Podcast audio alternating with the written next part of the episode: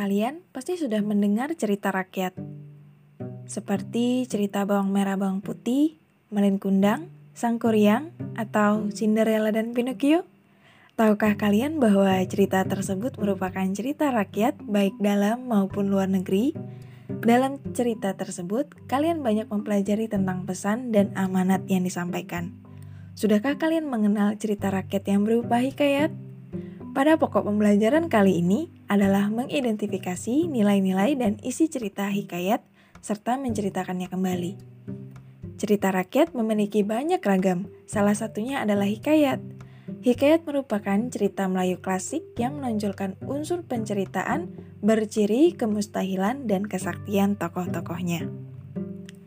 Mendengarkan hikayat memiliki banyak manfaat.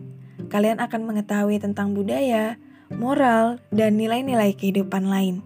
Nilai-nilai itulah yang menambah rasa cinta kalian kepada tanah air karena kebudayaan Indonesia yang beragam dan dapat kalian terapkan pula dalam kehidupan sehari-hari agar kalian memiliki karakter yang diharapkan oleh bangsa dan negara.